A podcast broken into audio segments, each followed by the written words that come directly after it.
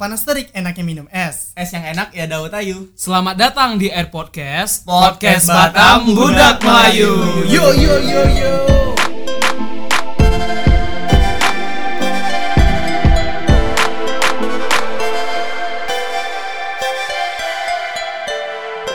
Oke, hai teman-teman semuanya. Gimana kabarnya? Masih sehat dan semangat kan dalam menjalani work from home kali ini? Nah, di sini aku Kevin Andika dari Fakultas Hukum Universitas Gajah Mada. Pada kesempatan kali ini, aku bersama teman-temanku bakalan discuss banyak hal nih pada podcast kali ini.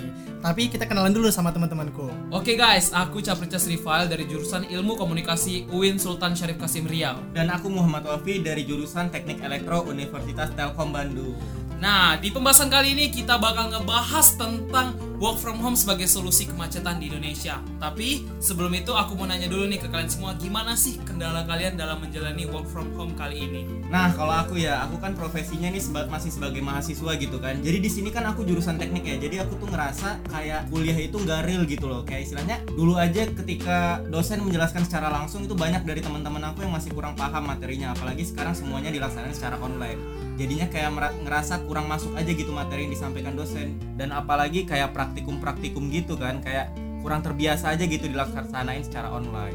Iya, dan aku juga yang sama seperti Wafi juga melaksanakan learning from home, juga merasakan kendala yang sama dan juga uh, ngerasain juga kendalanya juga di masalah kuota dan juga sinyal karena nggak semua orang juga bisa memiliki kuota yang banyak dan juga nggak semua orang bisa mengakses sinyal yang bagus pada waktu dan tempat yang yang sama gitu kan. Dan jadi pada saat kegiatan learning from home kayak kegiatan online dari kelas online tiba-tiba sinyalnya hilang atau tiba-tiba kuotanya habis, kayak dosenku juga lagi ngejelasin tiba-tiba sinyalnya hilang terus kelasnya bubar gitu. Nah, itu juga kendala sih selama work from home ini gitu. Tapi kalian sadar nggak sih dari kendala yang kalian sebutin tadi itu sebenarnya work from home ini ada banyak benefitnya loh. Oh Iya. banget.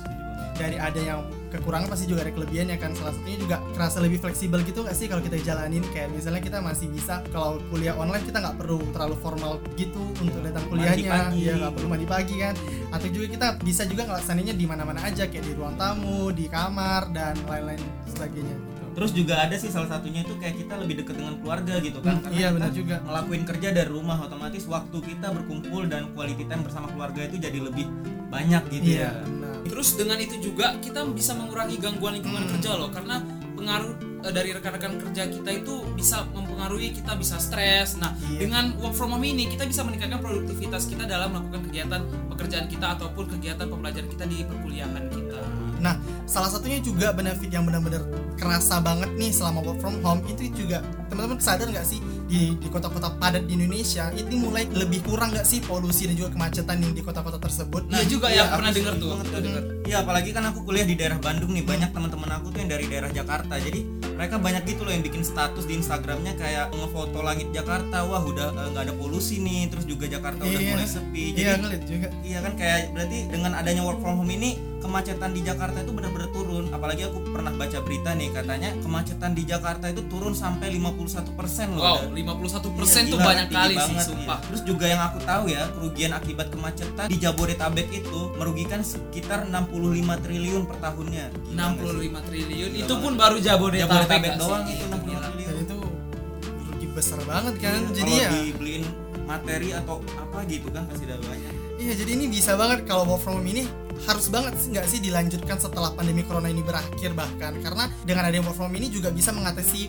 permasalahan kemacetan yang ada di Indonesia saat ini. Iya setuju kali sih aku. Apalagi sebenarnya pengaplikasian dari work from home ini tuh sangat mudah loh. Kita cuma Nah. perlu internet, wifi yang paling 300 ribu per bulan. Iya, Iya murah kok. 300 banget. ribu doang. Dibandingkan kita menghabiskan di luar gitu kan. Nah terus kita cuma perlu gadget, komputer ataupun laptop dalam menunjang proses kegiatan kita Iya. gitu. Yang terakhir tuh yang paling penting kita nggak perlu transportasi lagi untuk pergi-pergi dan juga Iya. bensin. Karena itu yang bikin lama nggak sih? Iya benar. Terus juga penerapannya mudah nggak sih sebenarnya kayak kita nggak perlu macet-macetan ke kantor gitu kan itu yang bikin stres salah satunya kan. Terus juga kita tuh ke kantor cuman saat diperlukan doang gitu misalnya ada hal-hal yang mendesak dan nggak bisa dilaksanakan secara online itu baru kita ke kantor gitu kan. Terus juga kayak fleksibel nggak sih tugas-tugas yang dikasih sama bos kita bisa kerjain misalnya pada saat sore atau pagi yang penting kan deadline-nya terkejar gitu kan. Benar dan juga cara pengaplikasian dari work from home ini juga lebih mudah nggak sih kayak misalnya ya kalau misalnya mau buat tugas ya tinggal di mana aja bisa. Terus juga bisa kalau buat tugas kan pasti biasanya di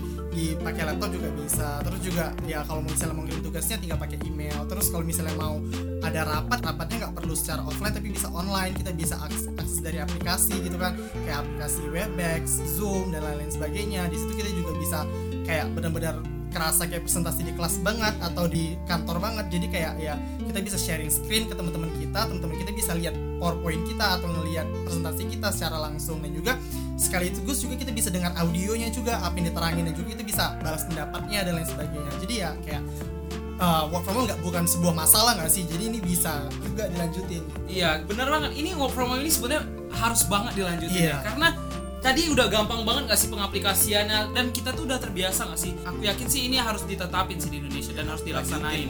karena work from ini juga cara yang sangat efektif untuk menurunkan tingkat kemacetan yang ada di Indonesia saat ini Terus juga ini bisa menjadikan sebagai kesempatan evaluasi loh bagi para perusahaan Hmm. kepada karyawan-karyawannya juga gitu. Terus juga sebenarnya sih agar rakyat Indonesia sih bisa lebih mengenal teknologi gitu dan menggunakannya secara efisien gitu. Soalnya kita tahu sendiri sekarang ini uh, lagi revolusi 4.0 kan erat banget kaitannya dengan teknologi. Tentunya dengan adanya work from home ini masyarakat mau nggak mau pasti belajar nama sama yang namanya teknologi gitu juga sangat memungkinkan nih untuk perusahaan yang sekarang udah berhasil melaksanakan work from home selama pandemi ini dan juga itu langsung melanjutkan aja kegiatan work from home ini setelah pandemi corona ini udah berakhir Nah, setuju banget. Sebelum kita akhiri podcast kita kali ini, kalian ada nggak pesan-pesan buat teman-teman di seluruh Indonesia yang lagi dengerin podcast kita ini? Kalau dari aku ya, aku sih berharap pada pendengar podcast ini terutama jangan memandang corona itu dari sisi negatifnya aja deh karena masih banyak sisi-sisi positifnya terutama yang kita sampaikan tadi itu aja udah banyak banget. Di luar itu juga pasti masih banyak benar banget banget Nah, selanjutnya itu kalian juga bisa sebenarnya asah kemampuan dan bakat yang selama ini terkendala karena kesibukan pekerjaan dan pendidikan. Misalnya kalian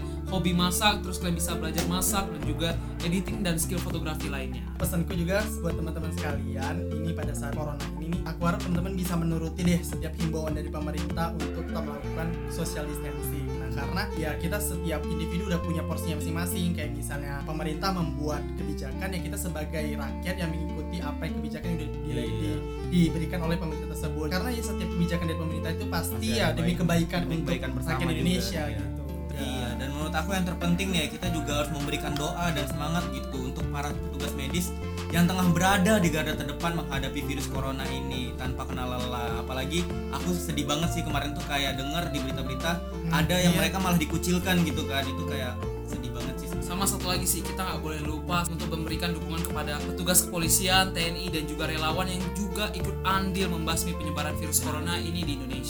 Nah, karena sesuai dengan kita negara kesatuan Republik Indonesia, sesuai dengan sila ketiga Pancasila yaitu Persatuan Indonesia, kita sebagai bangsa harus bisa bersatu nih, saling mendukung satu sama lain, biar kita bisa menghadapi rintangan apa pun yang di depannya. Dengan virus corona yang sekecil itu pun kita harus bisa menghadapinya sama-sama dan itu bisa diatasi bersama gitu. Together, we want the better.